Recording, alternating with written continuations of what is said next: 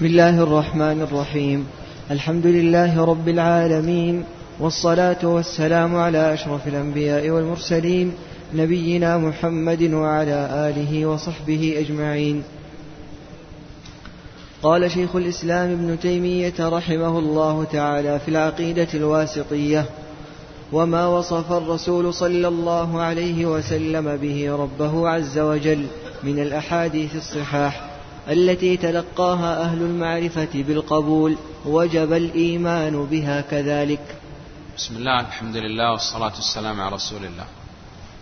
السنة لغة الطريقة.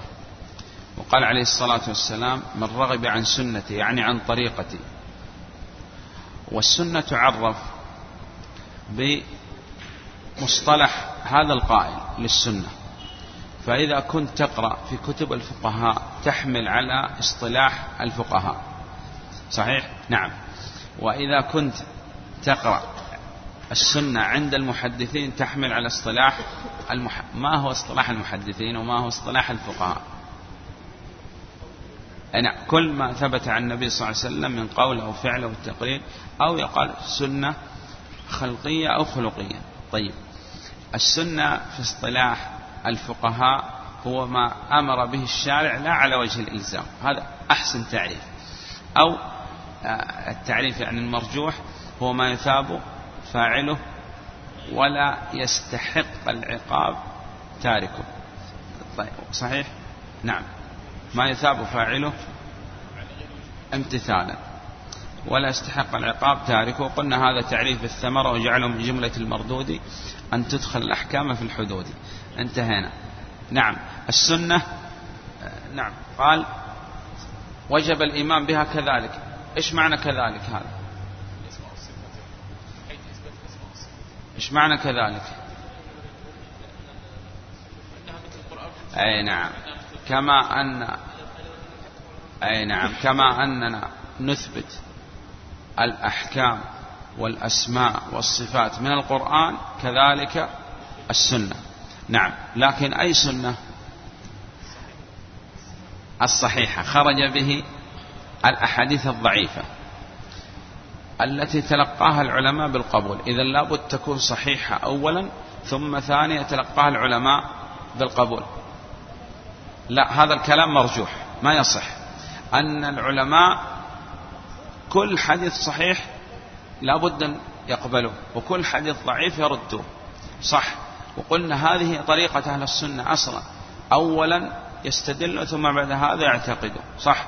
بخلاف أهل الباطل. حتى وإن كان عندهم الحديث صحيح أو متواتر ردوا بعض الأحاديث.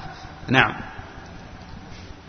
ثم سنة رسول الله صلى الله عليه وسلم تفسر القرآن وتبينه وتدل عليه وتعبر عنه. وما وصف الرسول صلى الله عليه وسلم به ربه عز وجل من الأحاديث الصحاح. التي تلقاها أهل المعرفة بالقبول وجب الإيمان بها كذلك. نعم. مثل قوله صلى الله عليه وسلم قال نعم تفسر القرآن. نعم تفسير القرآن قال ابن عباس على أربعة أوجه أو على أربعة أضرب. الأول تفسير تعرف العرب بلغتها وتفسير يعلم العلماء ومنها قول ابن عباس أنا من الراسخين في العلم الذين يعلمون تأويلها الثالث نعم ما هو معلوم من الدين بالضرورة. نعم. والرابع تفسير لا يعلم إلا الله. صحيح. وهذا ينبني على قراءة الوقف في قوله تعالى وما يعلم تأويله إلا الله. تشابه مطلق. نعم. طيب. أعطينا مثال على أن القرآن يفسر بالقرآن. نعم. أخذنا في الحلية أن الأصل أن الطالب يعني يتمرن على القواعد وأنه ما يأتي ويحفظ مثال واحد لنا بل يعود نفسا يأتي بأكثر من مثال. هذا المثال ذكرناه نريد تأتينا بمثال جديد. والأرض بعد ذلك دحاها قال فسرها الله سبحانه وتعالى أخرج منها ماءها ومرعاها. نعم. نحن نريد قرآن يفسر بالقرآن. نعم.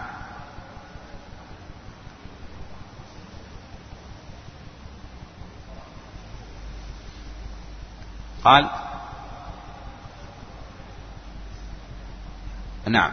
طيب. ما أسمع يا شيخ. نعم. والكلمات هذه؟ قال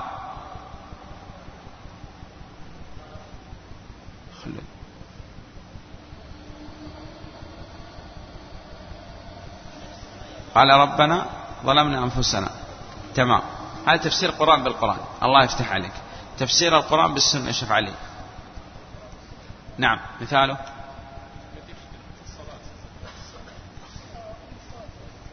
أقيموا الصلاة وآتوا الزكاة. قام النبي صلى الله عليه وسلم وصلى وقال إنما فعلت هذا لتأتموا به لتعلموا صلاتي. نعم. طيب. للذين أحسنوا الحسنى وزيادة. نعم. طيب. وتدل عليه وتعبر عنه. نعم بعد. حديث النزول.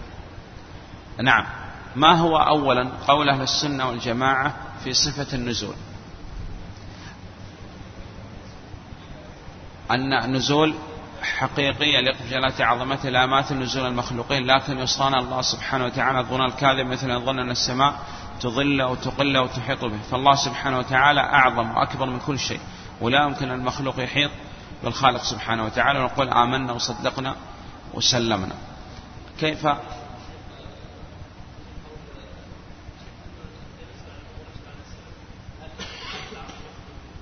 نعم. وقال هذا السؤال لو لم يرد عن السلف لعددنا السائل عن هذا السؤال أنه مبتدع.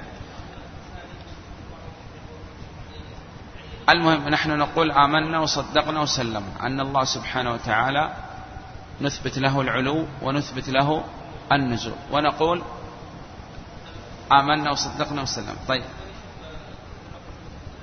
لا خلي غيرك. نعم.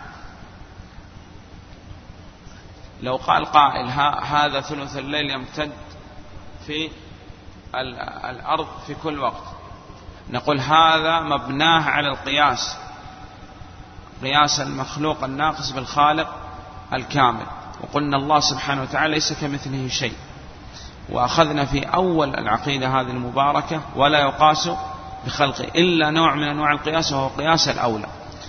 ونقول أن الله سبحانه وتعالى علمنا أنه ينزل في ثلث الليل الآخر ليس لنا إلا الرضا والتسليم. وقال نظائر هذا كثير. يقول الله سبحانه وتعالى إذا قال العبد الحمد لله رب العالمين قال الله حمدني عبدي.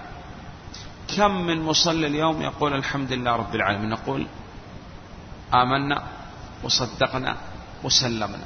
إن الله سبحانه وتعالى العبد إذا قال الحمد لله رب العالمين قال الله حمدني عبدي.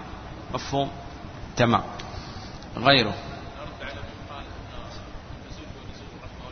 طيب اصبر كيف نرد على من قال أن النزول نزول للرحمة أو الأمر أو الملائكة؟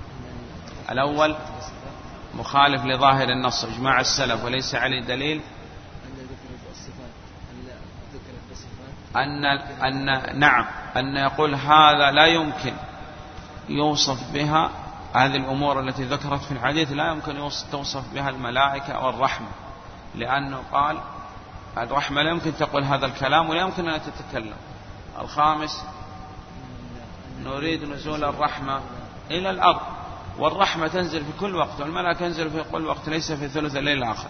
والأخير قلنا أنه بعض الناس إذا كان ينكر النزول هو بالفطرة يثبت النزول. وأخذنا أيضا هذا في إثبات صفة العلو لله سبحانه وتعالى أنه في الفطرة تثبت العلو لله وقال أخبرنا يا أستاذ عما نجده ما دعا عارف قط إلا وجد من نفسه ضرورة إلى طلب العلو غيره. الفوائد المسلكية أن تحرص على القيام في ثلث الليل الآخر. وهذا في بيان سعة فضل الله وجود الله سبحانه وتعالى أن أن الله سبحانه وتعالى يتكلم بهذا الكلام. وفي أيضا إثبات صفة الكلام لله سبحانه وتعالى وأخذنا أن هذا الحديث حديث متواتر. نعم. الليل يبدأ من غروب الشمس إلى طلوع الفجر يعني إلى أذان الفجر. طيب بعده. الحديث اللي بعده قلنا فيه إثبات صفة الفرح لله سبحانه وتعالى وفرح حقيقي يليق بجلاله عظمته. وفيه فائدة مسلكية وهي المبادرة إلى التوبة. نعم والإنابة إلى الله سبحانه وتعالى. والحديث الثالث. نعم إثبات صفة الضحك لله سبحانه وتعالى. وهذا يثمر أن لا نقض من رحمة الله. صحيح قال لن نعذر من رب يضحك خيرا. وهذا فيه أن هذا الدين جاء لإسعاد الأمة بخلاف ما يقوله الرافضة وغيرهم. وهو قال ضحك حقيقي بجلالة عظمته لا يماثل ما عليه المخلوق. نعم. قال المصنف رحمه الله تعالى وقوله صلى الله عليه وسلم عجب ربنا من قنوط عباده وقرب غيره ينظر إليكم أزلين قنطين فيظل يضحك يعلم أن فرجكم قريب. حديث حسن. بسم الله الحمد لله والصلاة والسلام على رسول الله. قال المصنف رحمه الله أورد هذا الحديث وهذا الحديث قال فيه صفات لله سبحانه وتعالى. أول قال عجب ربنا وقال هذا إما يكون خروج الشيء عن نظائره يعني قال عجب ربنا يعني العجب قال الاستغراب وهذا يقول الاستغراب إما يكون خروج الشيء عن نظائره مع العلم بما سيقع. وأن الله سبحانه وتعالى قال يعلم أن فرجكم قريب وأن الله سبحانه وتعالى يعلم الأشياء قبل أن تقع. وكان الأصل من الموحد أن لا يقنط من رحمة الله. وهذا قال ثابت لله سبحانه وتعالى بالكتاب والسنة. بالسنة في هذا الحديث. وبالكتاب بل عجبت بل عجبت ويسخرون. قراءتان. على قراءة الضم وعلى قراءة الفتح. طيب.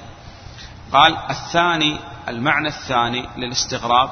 قال المعنى الثاني أنه خروج الشيء عن الأسباب. وقال هذا ينبني على الجهل.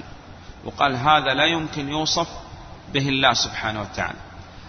عجب ربنا من قنوط عباده. القنوط قال هو شدة اليأس. وتقدم معنا هذا الأمر أن الشيخ أن ابن القيم رحمه الله قال إذا رأيت الأمر يزداد ضيق وشدة اعلم أن هذا دليل على قرب الفرج. وقال هذا أمثلة هذا كثير كثيرة في القرآن. مثال قال الثلاثة الذين خلفوا ضاقت عليهم الأرض بما رحبت.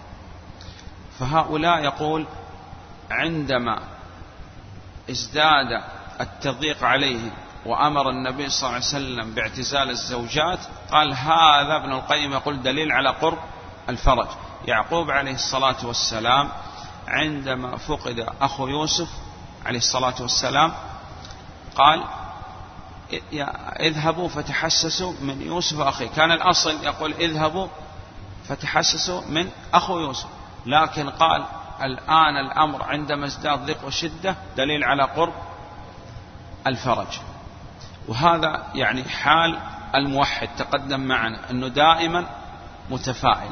وحال المشرك والمنافق نسأل الله السلامة والعافية دائما متطير ومتشائم. صح؟ نعم. وقال الله سبحانه وتعالى تلك الدار الآخرة تلك الدار الآخرة نجعلها للذين لا يريدون علوا في الأرض ولا فساد. ثم قال بعد هذا والعاقبة للمتقين. إذا يخذلون ويخالفون وقلة ولكن ينصرهم الله. فأهل السنة والجماعة يعلموا أن العاقبة لهم لأنهم ما أرادوا لا العلو ولا الفساد. أرادوا مرضاة الله سبحانه وتعالى. قال عجب ربنا من قنوط عباده وقلنا القنوط شدة اليأس وقرب وهذا فيه إثبات القرب لله سبحانه وتعالى. أهل السنة والجماعة يثبتون القرب لله سبحانه وتعالى لكن يثبتون القرب الخاص بالمؤمنين. إذا أهل السنة والجماعة اتفقوا على إثبات صفة القرب لله سبحانه وتعالى وهذا قرب خاص بالمؤمنين. والدليل وإذا سألك عبادي عني فإني قريب. هذا من القرآن من السنة هذا الحديث. الثاني اختلفوا في إثبات القرب العام. إثبات صفة القرب العام لله سبحانه وتعالى يعني يعني قرب يشمل كل الخلق.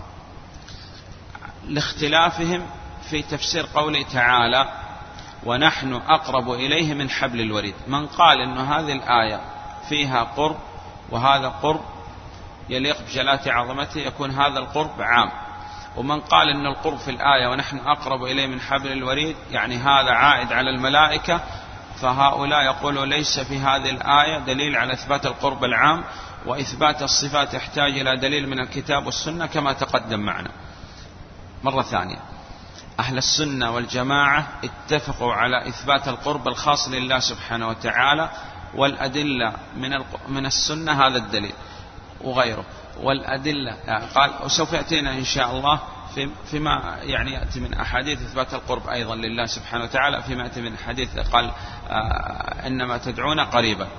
ثم في القرآن قال ونح قال وإذا سألك عبادي عني فإني قريب. هذا معتقد أهل السنة والجماعة إثبات القرب الخاص.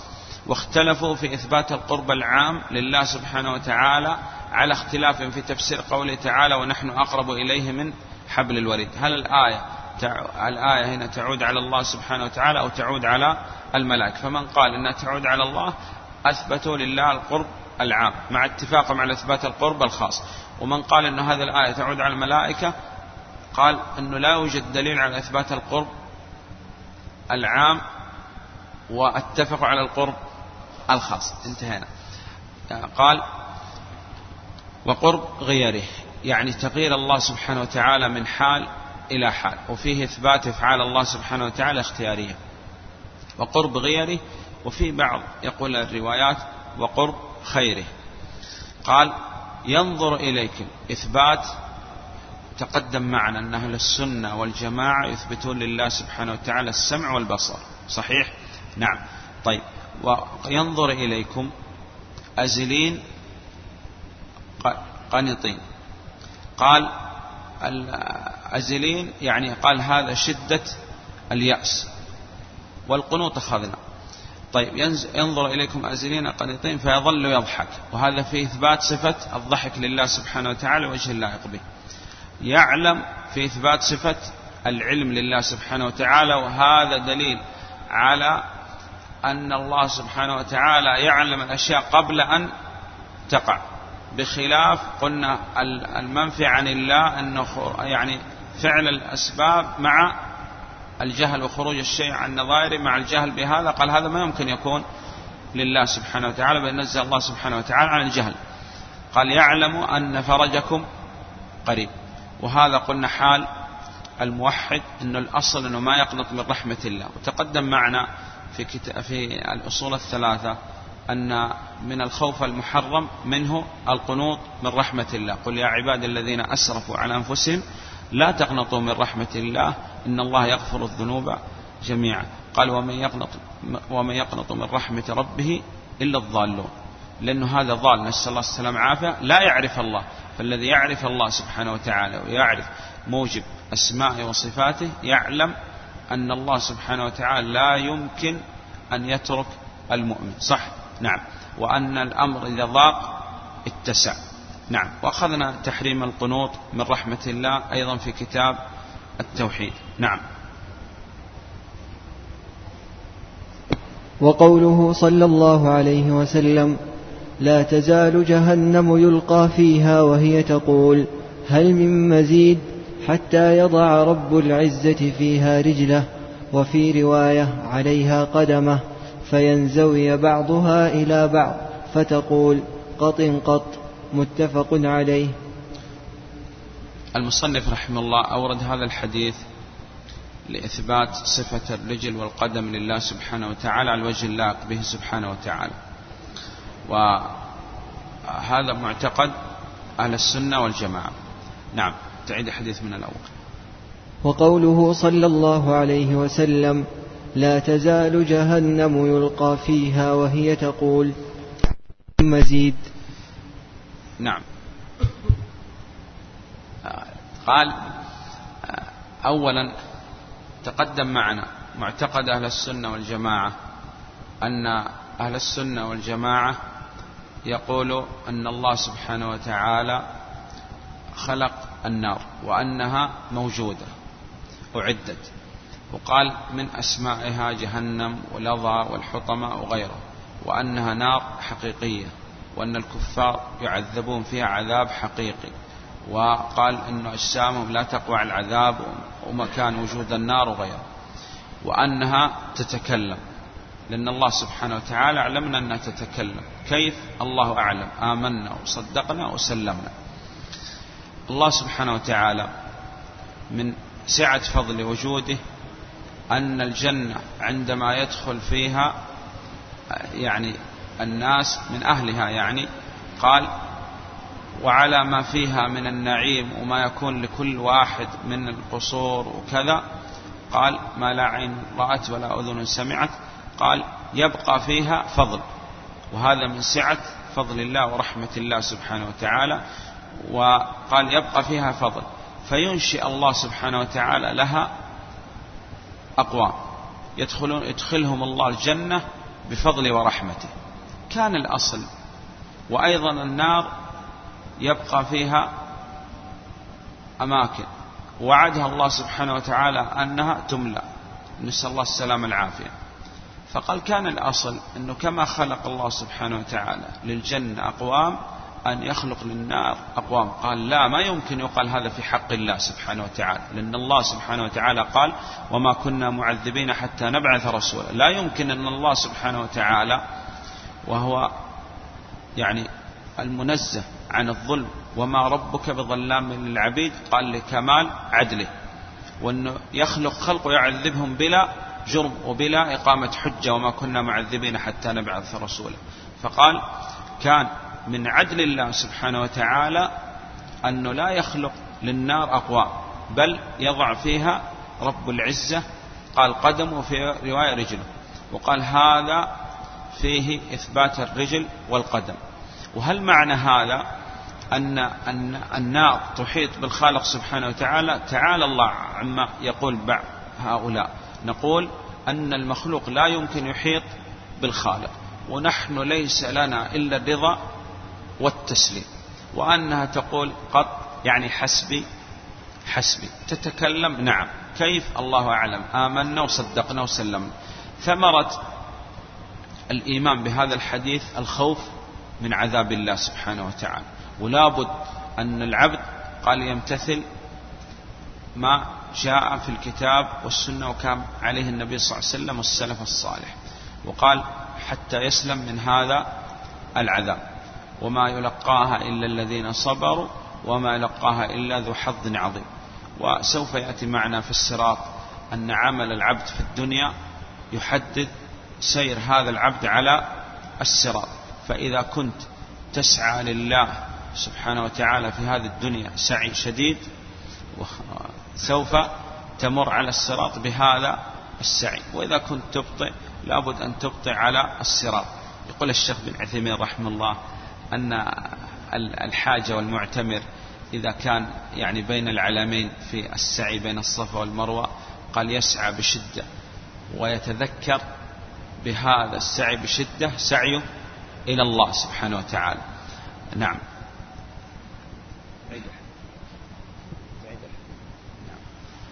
وقوله صلى الله عليه وسلم لا تزال جهنم يلقى فيها وهي تقول هل من مزيد حتى يضع رب العزة فيها رجله وفي رواية عليها قدمه فينزوي بعضها إلى بعض فتقول قط قط. متفق عليه. نعم. وقوله صلى الله عليه وسلم يقول الله تعالى يا, ابن يا آدم. فيقول لبيك وسعديك. فينادي بصوت إن الله يأمرك أن تخرج من ذريتك بعثا إلى النار. متفق عليه. الله أعلم نقف عند هذا ونكمل إن شاء الله بعد أسبوع. وعلى ما يعني ذكرنا للطلاب لزملائكم أن يعني لا يعني أننا نتوقف هذا الأسبوع أن تتوقفوا عن المذاكرة والتسميع في الدورة فالأصل أن طالب العلم يعني لا يعرف الإجازات كما كان يقول قلنا الشيخ فوزان يقول هذه إجازات ما نعرفها إلا في العصور المتأخرة. يقول يعني عندما كنا ندرس وكذا يقول ما كنا نعرف شيء اسمه إجازة. مفهوم؟ نعم. طيب ماذا أخذنا في هذا اليوم؟ نعم الشيخ أبو طلحة. أن من سعة فضل الله سبحانه وتعالى أن عندما يدخل أهل الجنة الجنة وينال من النعيم الكثير قد يبقى فيها فضل. وهذا ثمرة الإيمان بهذا أن تسعى لأن تنال أعلى المراتب. ولذلك إذا سألت الله سبحانه وتعالى الجنة تسأله الفردوس الأعلى لأنك تطلب من كريم سبحانه وتعالى. وهذا بخلاف بعض العوام يقول أنا أريد أن أكون عند باب الجنة. سبحان الله أنت تطلب من الكريم الرزاق. هؤلاء ما عرفوا الله سبحانه وتعالى ولا عرفوا موجب أسمائه وصفاته. صحيح؟ نعم. وتقدم معنا في كتاب التوحيد قال ليعزم المسألة فإن الله لا مكره له وقال لا تعظم شيء أعطاه صحيح؟ نعم. وهذا مخالف وهذا فيه إشارة إلى أن الأصل أن نرجع إلى أدعية النبي صلى الله عليه وسلم. وأن ما يقول هؤلاء العوام يعني مخالف لما جاء عن النبي صلى الله عليه وسلم يعني في كثير من الأمور. نسأل الله السلامة والعافية. طيب هذا جيد. نعم. طيب. وقال يعني الاستغراب والاستغراب ينقسم إلى قسمين. إما خروج الشيء عن نظائره مع العلم بما سيقع لكن أن الله سبحانه وتعالى أعلم المؤمن أنه لا يقنط من رحمته سبحانه وتعالى فوقوع هذا مع النهي يكون فيه إثبات هذه الصفة لله سبحانه وتعالى مع العلم. وإذا كان مع الجهل هذا لا يمكن أن يوصف به الله سبحانه وتعالى. لأن الله سبحانه وتعالى لا عليه شيء في الأرض ولا في السماء وقلنا حتى الذي لم يقع يعلم الله سبحانه وتعالى إذا وقع كيف يقع. والدليل ولو ردوا لعادوا لما نهوا عنه. نعم الشيخ. يثبتون القرب الخاص يعني بالمؤمنين. نعم. واختلفوا على إثبات القرب العام لله سبحانه وتعالى اختلافهم في تفسير قوله تعالى ونحن أقرب إليه من حبل الوريد وسوف يأتي معنا إن شاء الله زيادة تفصيل في ما يأتي من أحاديث. فتح الله عليك. نعم. يا شيخ. نعم. إيش اخذنا إيش أخذنا من صفات؟ عجب ربنا من قنوط عباده. ها أستاذ. شدة اليأس. نعم. إثبات صفة النظر لله سبحانه وتعالى وتقدم معنا. نعم. على ما يليق بجلال عظمته. إثبات أي صفة؟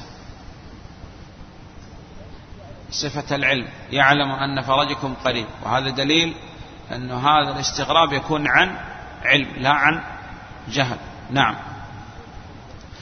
إثبات صفة الضحك فيظل يضحك.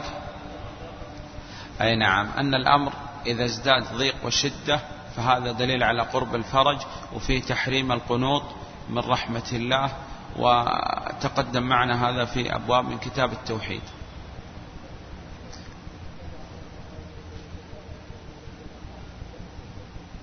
أن النار نار حقيقية موجودة وأنها تتكلم كيف آمنا وصدقنا وسلمنا الله سبحانه وتعالى من أن تتكلم ولم يعلمنا كيف تتكلم. نعم لا يقنط نعم.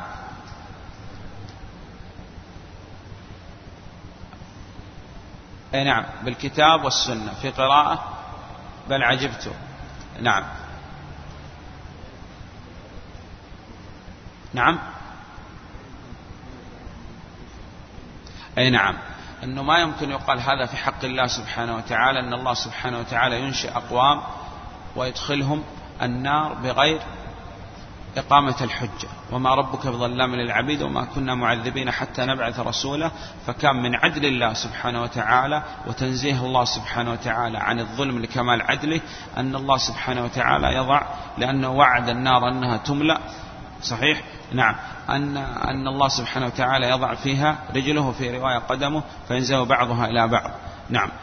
وهذا لكن لابد يصان الله سبحانه وتعالى عن الظنون الكاذبة مثل أن يظن أن النار تحيط بالخالق سبحانه وتعالى. وقال فيه إثبات الرجل والقدم لله سبحانه وتعالى على الوجه اللائق به وفيه التحذير من مخالفة الله سبحانه وتعالى لأن أعد الله سبحانه وتعالى نار للكافرين وللمنافقين. نسأل الله السلامة والعافية والله أعلم وصلى الله على محمد وعلى آله وصحبه وسلم.